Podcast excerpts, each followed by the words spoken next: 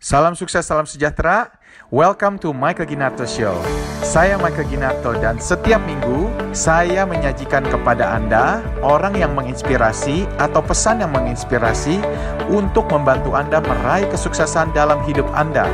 Terima kasih untuk waktu Anda. Mari kita mulai.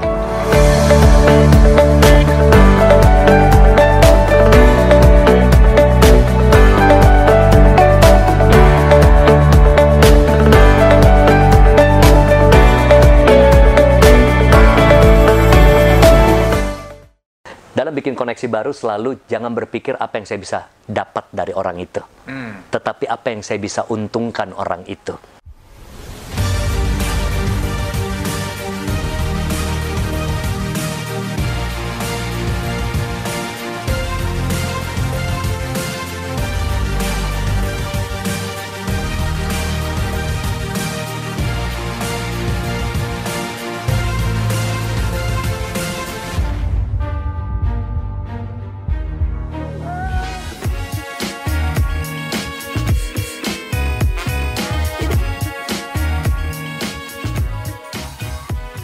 Salam sukses, salam sejahtera. Kembali lagi bersama saya, Michael Ginarto. Hari yang istimewa ini kita kedatangan tamu yang sangat istimewa, yaitu Pak Haryanto Kamdani.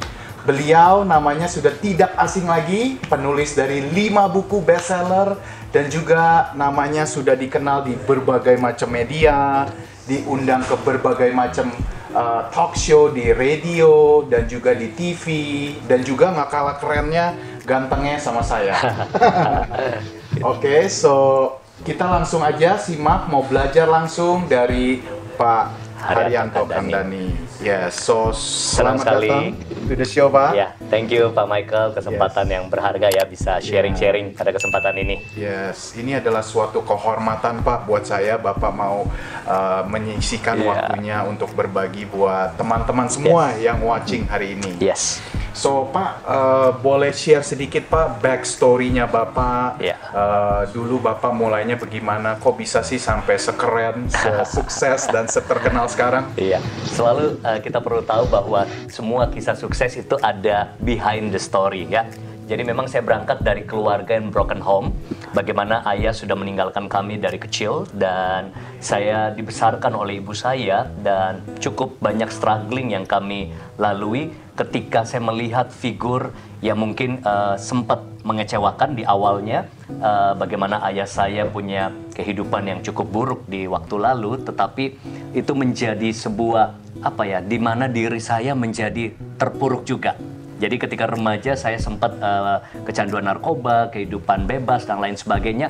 Itu menjadi sesuatu yang berat buat ibu saya. Pertama dari suaminya, yang kedua dari anaknya. Tetapi sekali lagi saya percaya seorang ibu itu yang luar biasa untuk selalu tekun, mengingatkan, mendoakan dengan penuh air mata. Singkat cerita, tahun 98 ketika saya pindah ke Jakarta, saya hadir di sebuah acara, seminar. Di situ saya mengalami pencerahan mental dan spiritual. Nah itu titik balik saya. Jadi banyak kebiasaan buruk saya, banyak hal-hal masa lalu saya mengalami sebuah turning point. Dan singkat cerita dengan perjalanan yang panjang, eh, ayah saya juga akhirnya eh, mengalami perubahan hidup dan akhirnya kita bisa eh, berkumpul kembali lagi dalam arti eh, saling menerima, saling memaafkan di situ dan akhirnya itu menjadi titik balik sehingga saya mulai meniti karir dengan background sebagai seorang sales di bidang properti.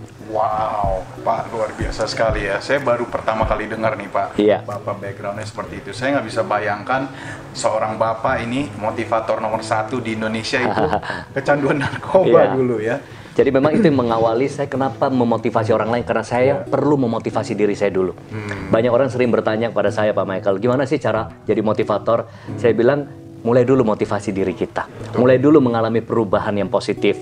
Baru kita bisa memotivasi orang-orang di sekeliling kita. Jadi titik balik atau terobosan diri itulah yang menjadi sebuah pembelajaran berharga yang saya percaya bahwa setiap orang punya kesempatan untuk punya hidup lebih baik. Wow, luar biasa. Siapa Pak orang yang menginspirasi Bapak untuk menjadi orang yang lebih baik lagi? Oke, kalau secara individu mungkin saya eh, bisa katakan banyak ya. Di dalam kehidupan ini orang-orang yang mungkin di dunia bisnis, di dunia juga uh, sebagai pembicara maupun juga mentor-mentor baik secara mental dan spiritual itu sangat menolong uh, dalam perkembangan pribadi saya selama kurung waktu 20 tahun lebih ini. Karena titik balik saya itu di tahun 98. Wow, 98 ya. Yes. Apakah Bapak dari dulu sudah merasakan saya punya panggilan hidup yang lebih besar dibanding situasi saya yang sekarang? Uh, awalnya belum.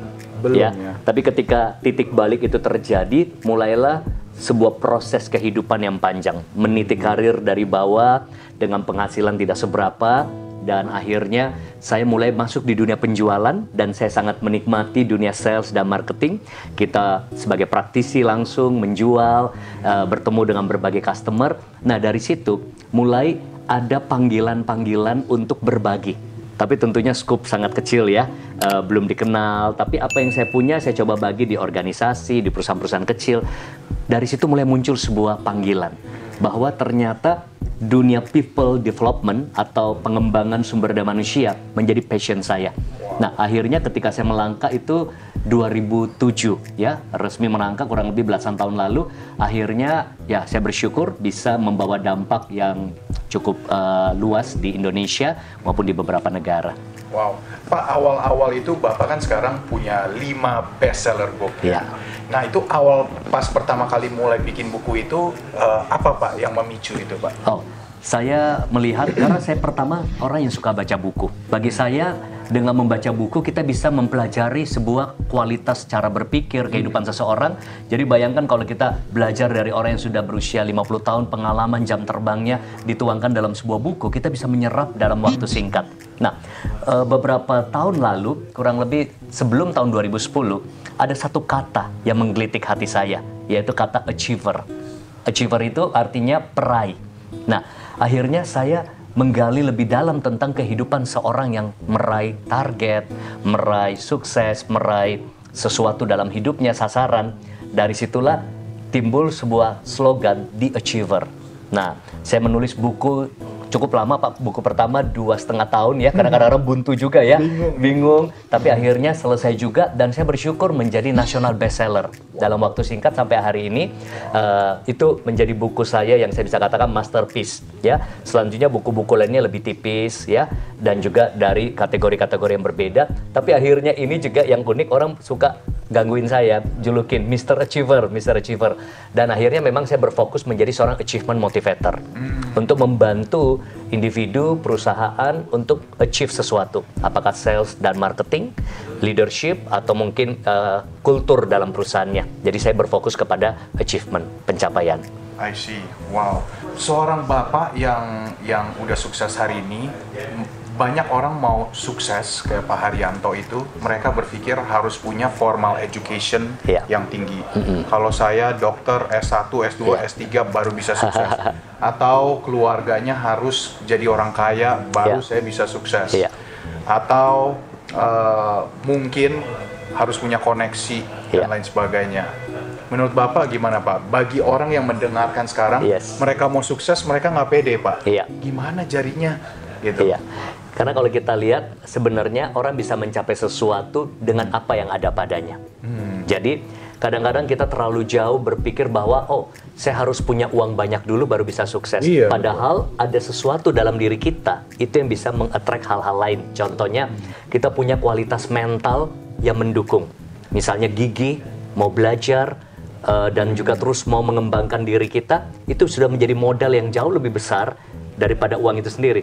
Nah, ketika kita punya mentalitas yang mendukung kualitas diri kita berkembang, produktivitas naik, efektivitas terjadi, ujung-ujungnya kita dapat fasilitas. Hmm. Jadi, mulai dari mentalitas menentukan banyak hal dalam hidup kita.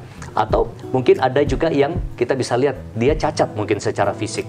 Tetapi karena mentalitasnya mendukung, dia cacat tetapi dia bisa berkarya lebih baik bahkan dari beberapa orang-orang yang mungkin secara fisik sempurna tapi malas. Hmm. Ya, malas ataupun juga tidak mau berubah atau tidak mau menjadi pribadi yang lebih baik.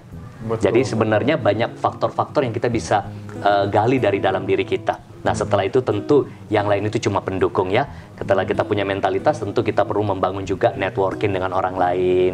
Kita mengasah skill-skill dalam diri kita ya untuk kita bisa punya keahlian, kemampuan yang menjadi nilai tambah di diri kita. I see, I see. Berarti nggak harus punya formal education yang Yes. tinggi pun, kalau kita mau rajin, Yes. perbesar kita punya kapasitas, Yeah. otomatis kemungkinan suksesnya masih tetap ada harapan. Ada. Nah, ya makanya ada istilah juga orang bisa punya IQ yang tinggi, tetapi kalau dia tidak punya EQ atau kecerasan emosional gampang menyerah, begitu hadapin penolakan sudah eh, nggak tahan banting. Jadi formal education ini menjadi eh, malah tidak kelihatan cemerlang karena tidak didukung dengan EQ-nya. Tapi bukan berarti kecerasan intelektual ataupun formal education nggak penting, tetapi banyak juga orang-orang yang formal education-nya mungkin nggak tinggi, tetapi malah dia bisa berhasil dalam kehidupan karena belajarnya langsung dalam sekolah kehidupan itu.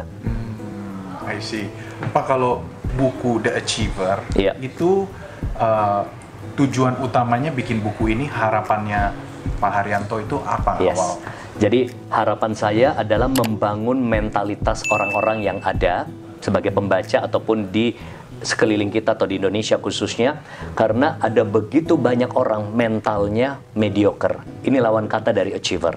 Mediocre ini adalah orang-orang yang rata-rata, mudah puas, menyalahkan keadaan, situasi terhadap apa yang terjadi pada dirinya, selalu penuh dengan excuse atau alasan. Jadi harapan saya ketika orang membaca buku di achiever ini, mereka menjadi pribadi yang unggul.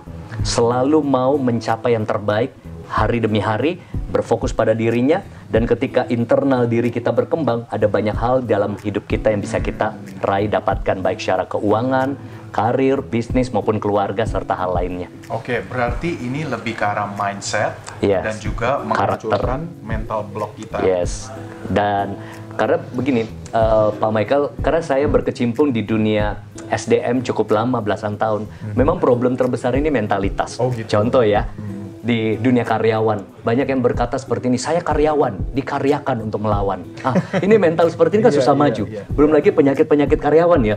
Sekarang ada yang bilang kudis, kurang disiplin, Waduh. asma asal mengisi absen.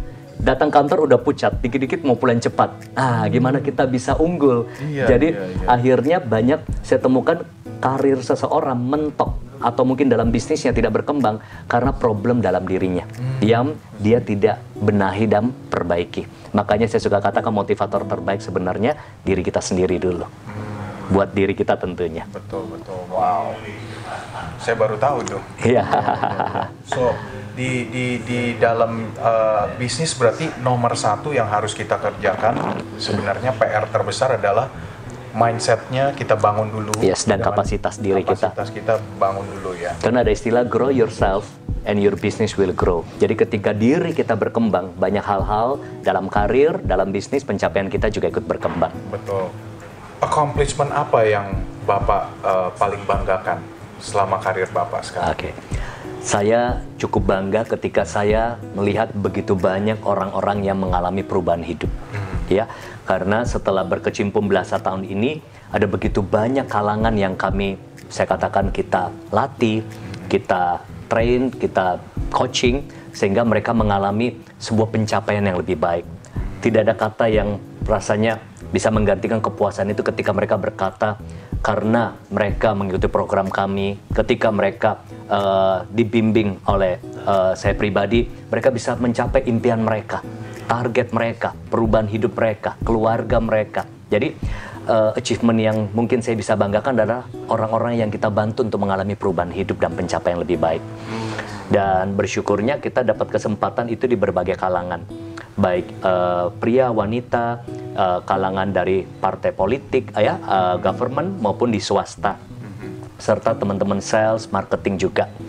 Jadi di berbagai bidang mereka memang mengalami sebuah terobosan-terobosan yang nyata.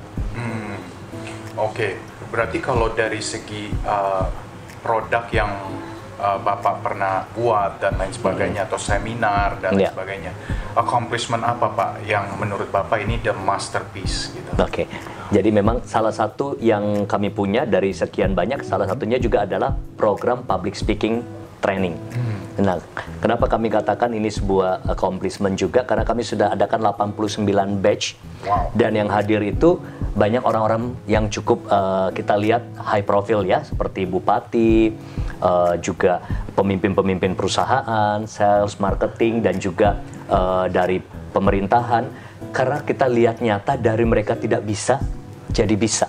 Dari tidak mampu jadi mampu. Jadi itu benar-benar perubahannya nyata sekali. Nah, belum lagi juga program-program lain yang membantu peningkatan penjualan. Sehingga kita bisa lihat eh target tercapai, ya, produktivitas meningkat melalui program-program yang kita sudah desain. I see. Wow. Bapak kan pasti ketemu banyak orang, Pak. Bagaimana cara milih? Kan Bapak banyak ditawarin peluang-peluang gitu. Iya. Bagaimana Bapak cara memilih peluang mana yang Bapak mau ambil? Iya. Bagi saya tidak setiap pintu yang terbuka kita harus masuk. Betul. Tidak setiap kesempatan yang ditawarkan harus kita ambil karena ada hal-hal yang memang bukan bagian dari jiwa atau passion kita. Jadi cara saya memilih sering kali adalah dengan ada faktor 4P. Yang pertama adalah apakah saya punya passion untuk peluang itu dalam kerjasama bisnis ataupun juga kerjasama sinergi dalam sebuah project yang menjadi peluang ya. Apakah saya punya passion? Yang kedua, apakah saya punya personality kepribadian yang mendukung untuk bisa uh, melengkapi dalam kolaborasi atau sinergi di dalam bisnis tersebut. Dan yang ketiga adalah apakah saya punya sebuah potensi untuk bisa melihat bisnis, project atau kesempatan itu berkembang. Dan yang tentu terakhir, apakah itu menghasilkan profit? Ya, jadi 4P ini ukuran saya. Kadang-kadang profitnya bagus, Pak Michael. Tapi saya nggak punya passion bidang itu. Jadi ada ya banyak sekali tawaran-tawaran bidang ini, bidang itu. Tapi ketika saya nggak punya passion di situ, artinya nggak ada hati di kategori atau bidang tersebut. Akhirnya setelah pertimbangan saya tolak sering kali. Oke. Mm-mm. Wow. That's very hikmatnya tinggi juga tuh 4P. Iya. Oke. So kalau boleh dibilang Pak, apa eh, aktivitas Bapak yang 20% tapi menghasilkan 80% dari total revenue motivator Indonesia? Oke. Jadi memang 20% yang kami buat kebanyakan kami meeting uh, untuk menggali kebutuhan dari klien. Setelah itu kami mendesain sebuah program dan kami deliver program itu itu yang menjadi uh, sebuah revenue. Nah, ada yang project jangka pendek, ada yang project jangka panjang. Jadi uh, tergantung dari uh, jenis dari klien yang kami dapatkan. Dan memang kami bersifat seperti semacam people development atau konsultan SDM. Jadi uh, manusianya yang kami coaching, kami training dan kami bantu untuk build uh, yang memberi dampak nantinya kepada klien atau organisasi serta perusahaan tersebut. I see. Saya kan suka lihat tuh, Iya. Bapak kalau bicara tuh kayaknya percayaan dirinya tuh tinggi sekali. Iya. Dan juga Bapak diundang ribuan, ratusan ribu orang sudah kenal Bapak, Iya. sudah tahu tentang Iya. Bapak. Ini pertanyaan mungkin nggak ada yang nanya kali. Iya. Bapak pernah ngerasain nervous nggak sih Pak? Sampai hari ini saya kadang-kadang nervous. Masa Ya, sih? Ini juga agak nervous sedikit, Nah, tetapi saya tahu Iya. kontrolnya. Iya. Karena begini, grogi itu wajar. Ketika kita tidak grogi, itu berarti hal yang sudah terbiasa. Jadi ada hal-hal yang saya nggak nervous.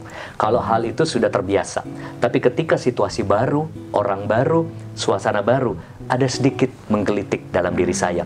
Tetapi itu bagi saya motivasi yang positif untuk prepare. Karena preparation kunci dari sebuah performance. Jadi banyak orang menggampangkan sesuatu, kalau saya tidak. Walaupun hal itu saya sudah biasa, bagi saya preparation membawa saya pada good performance. Nah, tapi saya mau buka rahasia sedikit nih, banyak mungkin yang uh, subscriber juga belum tahu. Banyak orang melihat saya bahwa saya bisa bicara dengan lancar, ya benar. Saya tanpa teks saya bisa uh, berjam-jam berbicara karena memang itu bidang saya, Pak. Tapi dulu sewaktu saya remaja, Pak, sewaktu saya remaja dan belum mengalami titik balik itu, saya itu paling pendiam. Saya itu pemalu dan saya itu orang yang sangat minder karena background keluarga tersebut ya.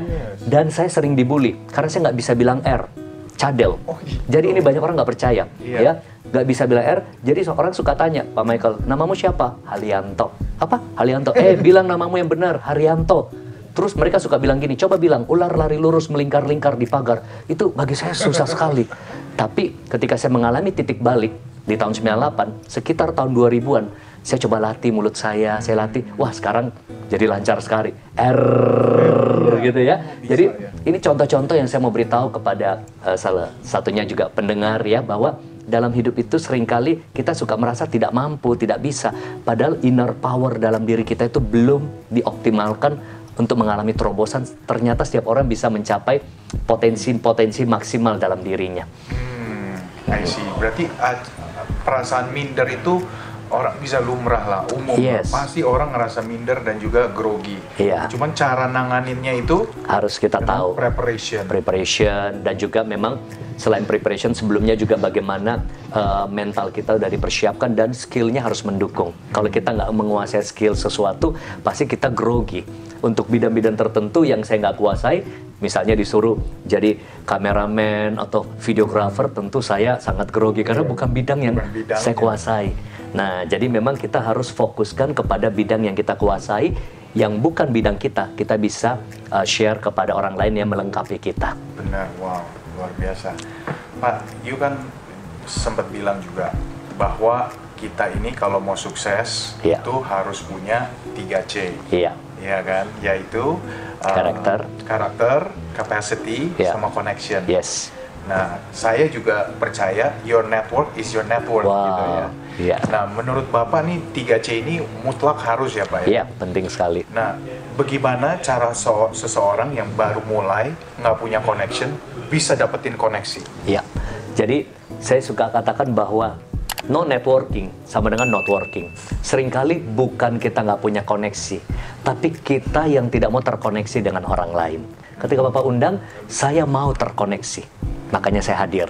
Nah, kita ketemu di komunitas, mungkin di sebuah acara keagamaan, mungkin di acara perkumpulan ibu-ibu, atau mungkin eh, jemputan anak sekolah pun ada begitu banyak orang di sekeliling kita yang we never know kalau kita berkenalan dan terkoneksi ternyata orang itu juga punya relasi-relasi yang mungkin menjadi bisa pintu kesempatan dalam hidup kita.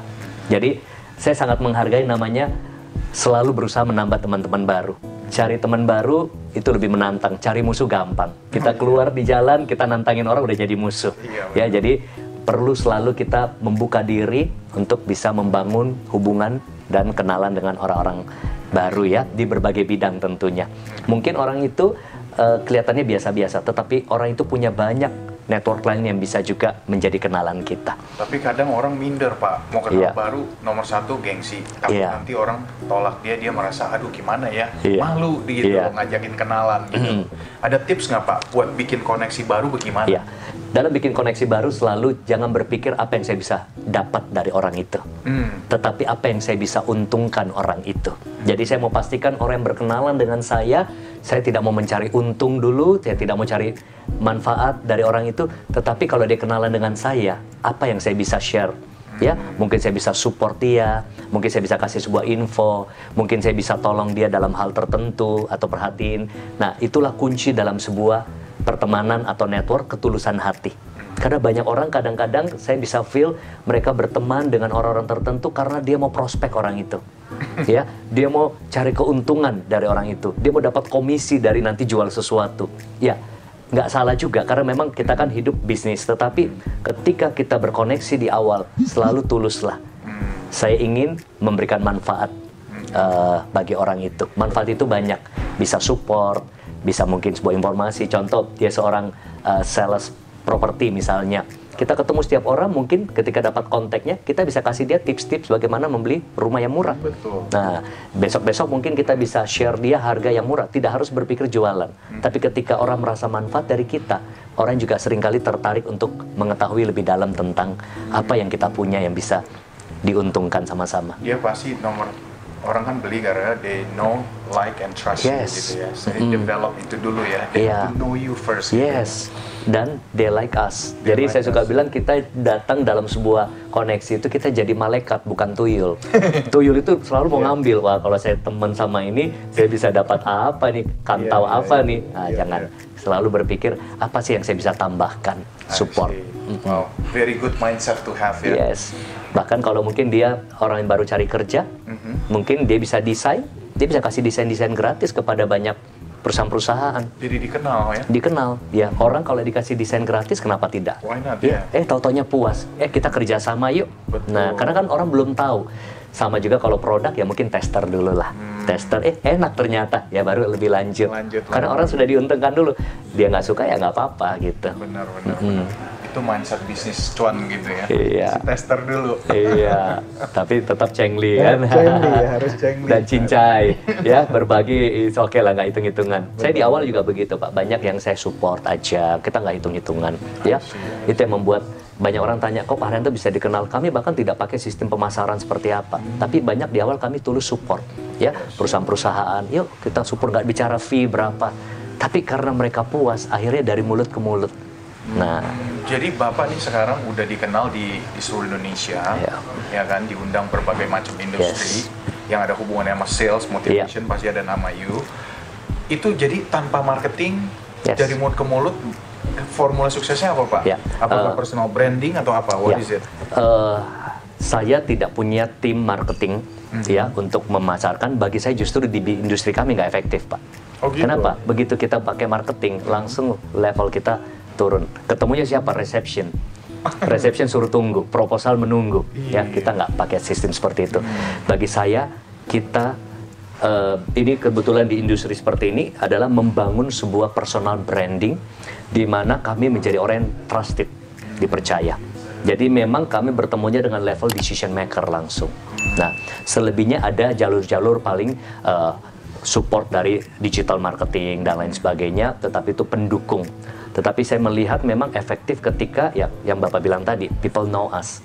Orang tahu kita, ya tahu diri atau produk atau jasa kita dan mereka mulai tertarik dan kita punya eh, brand yang cukup kuat, awareness di masyarakat itu yang menjadi eh, nilai tambah dalam sebuah bisnis. Mhm. Wow, luar biasa Pak. Berarti saya ini ini benar ya dugaan saya. Nggak pernah lihat Bapak iklan sih Pak. Nggak pernah lihat. sih. Cuma namanya muncul terus Pak. Iya kan? Nah Bapak juga sempat diundang jadi eh, bantuin PON sampai menang gold medal ya Pak. Iya. Itu itu apakah Bapak dobrak lewat eh, mindset atau apa sih Pak? Iya. Jadi untuk Asian Games, PON, atlet, bahkan juga beberapa uh, reality show Indonesia. Miss Indonesia sudah 9-10 tahun. Tiap tahun pasti kami handle untuk persiapan ke Miss Dunia, Indonesian Idol. Yang saya support bukan dari segi skillnya. Karena skill tentu bukan bidang saya, ya. Tetapi yang kami support adalah character building dan juga mengcoaching mereka untuk mempersiapkan strategi mereka, mental mereka untuk achieve target. Kalau misalnya di dunia olahraga berarti gold medal, ya, medali emas.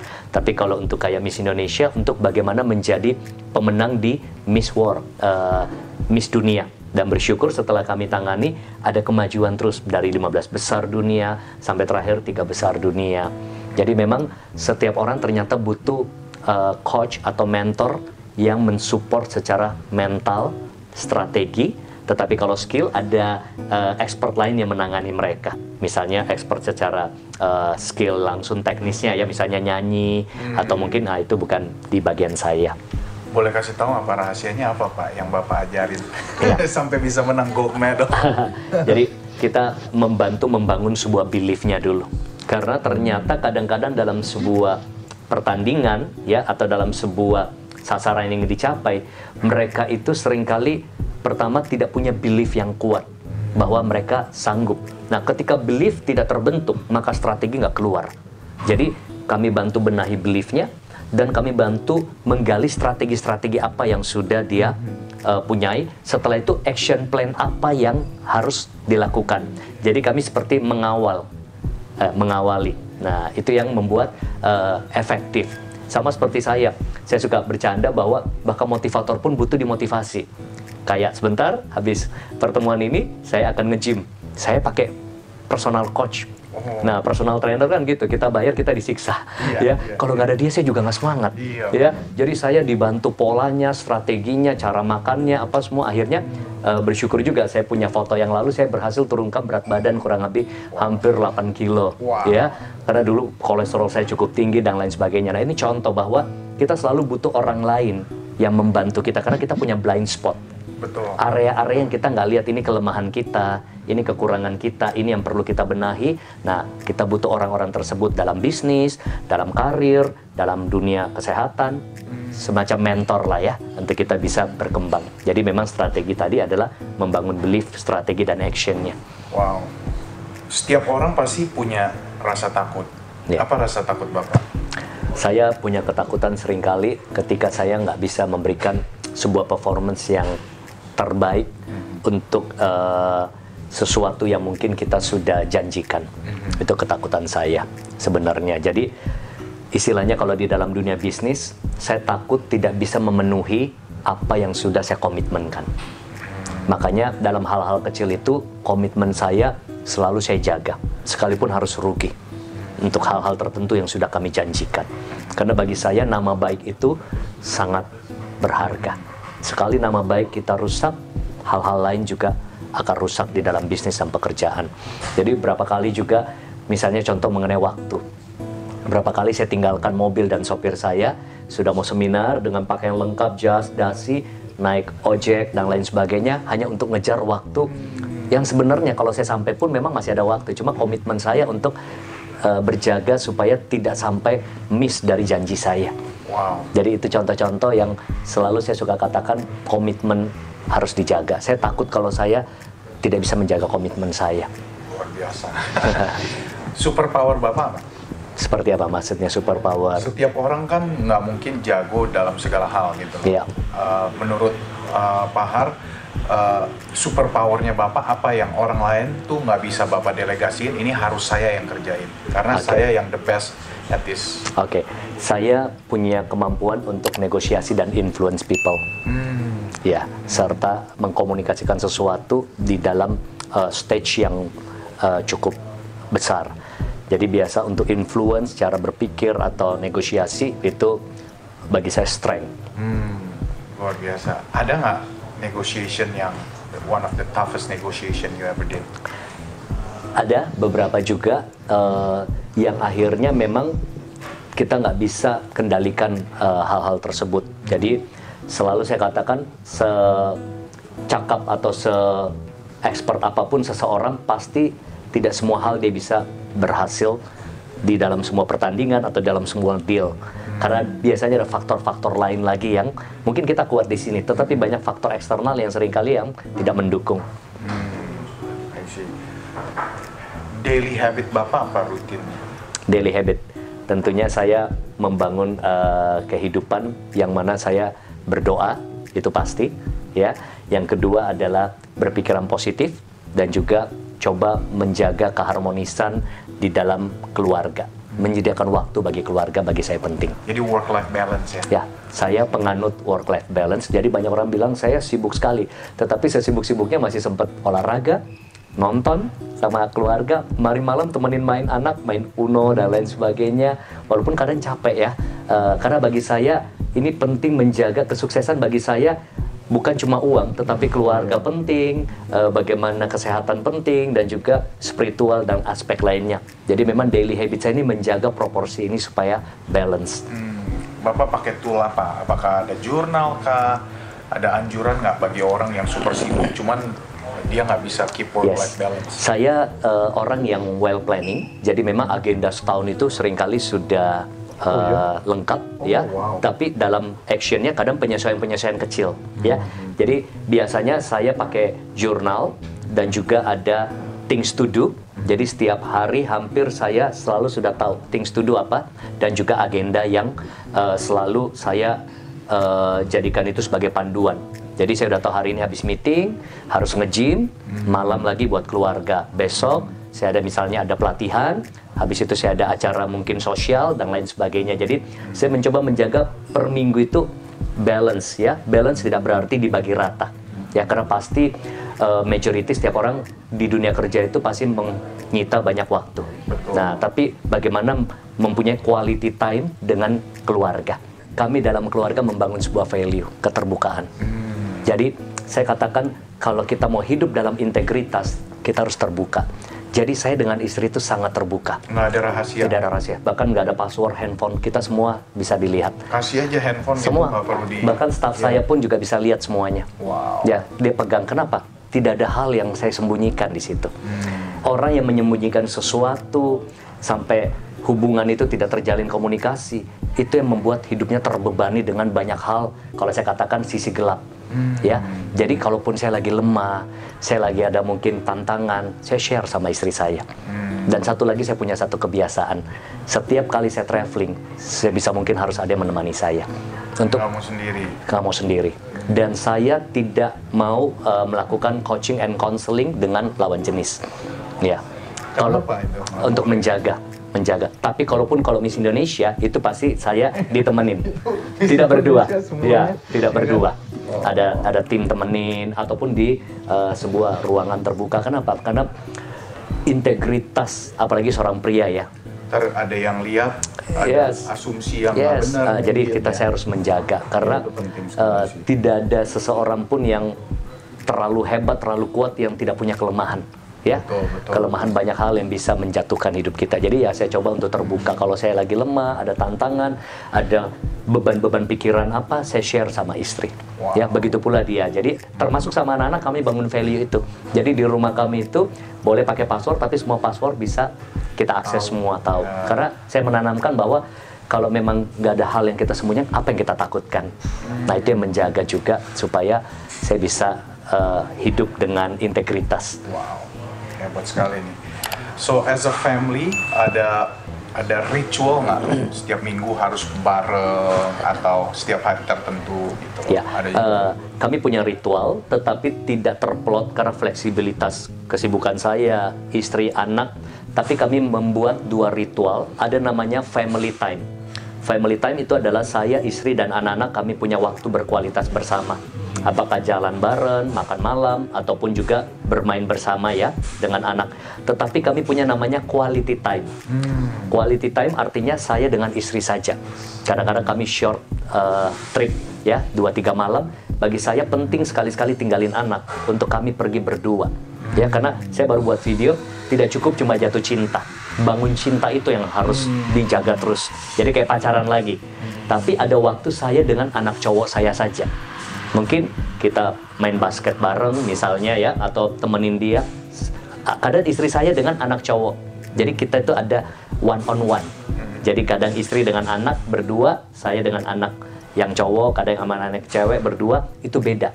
Ketika rame-rame dengan cuma berdua. Karena harapan saya istri saya bisa menanamkan banyak value dengan anak cowok. Ada value yang saya bisa tanamkan kepada anak saya yang cowok. Beda ya, pendekatan seorang ibu dengan ayah.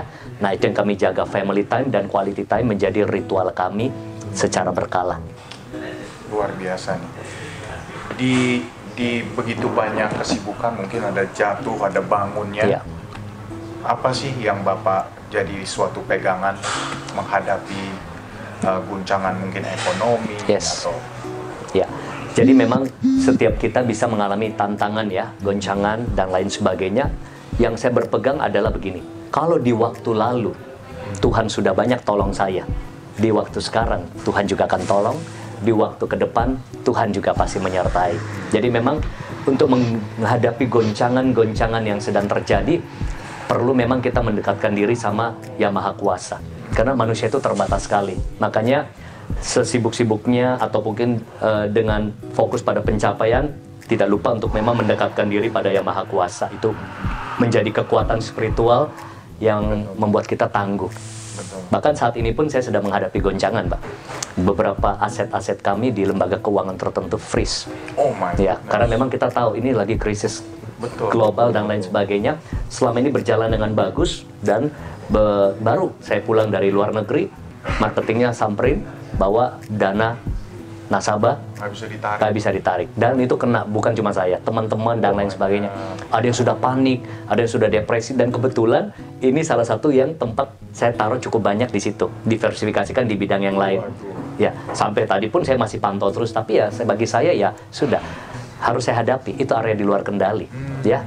Menyalahkan keadaan bukan cara terbaik tapi bagaimana meresponinya? Apa yang masih bisa kita syukuri? Pembelajaran apa yang bisa saya ambil dari sini? Berarti goncangan ada tetapi yang membedakan satu dengan lain adalah responnya.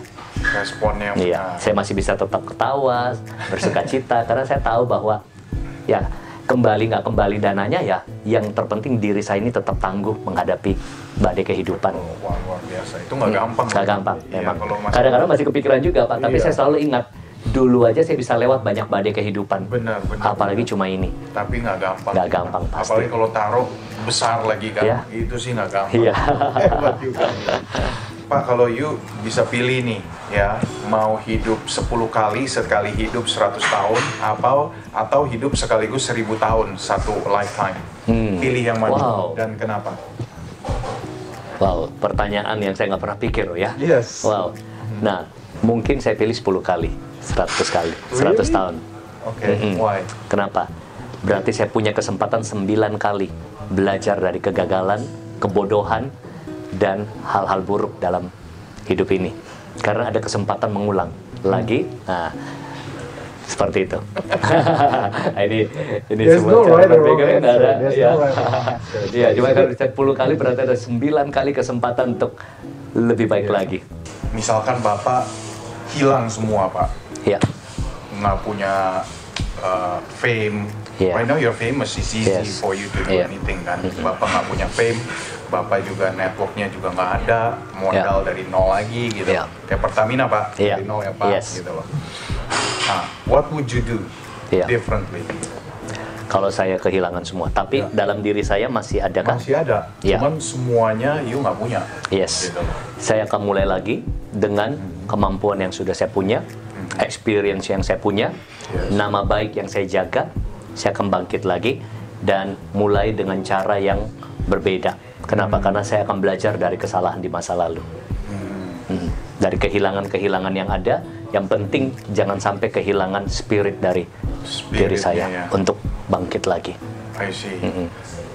Dengan pengalaman bapak selama 20 tahun, nasihat apa yang bapak mau berikan kepada diri bapak?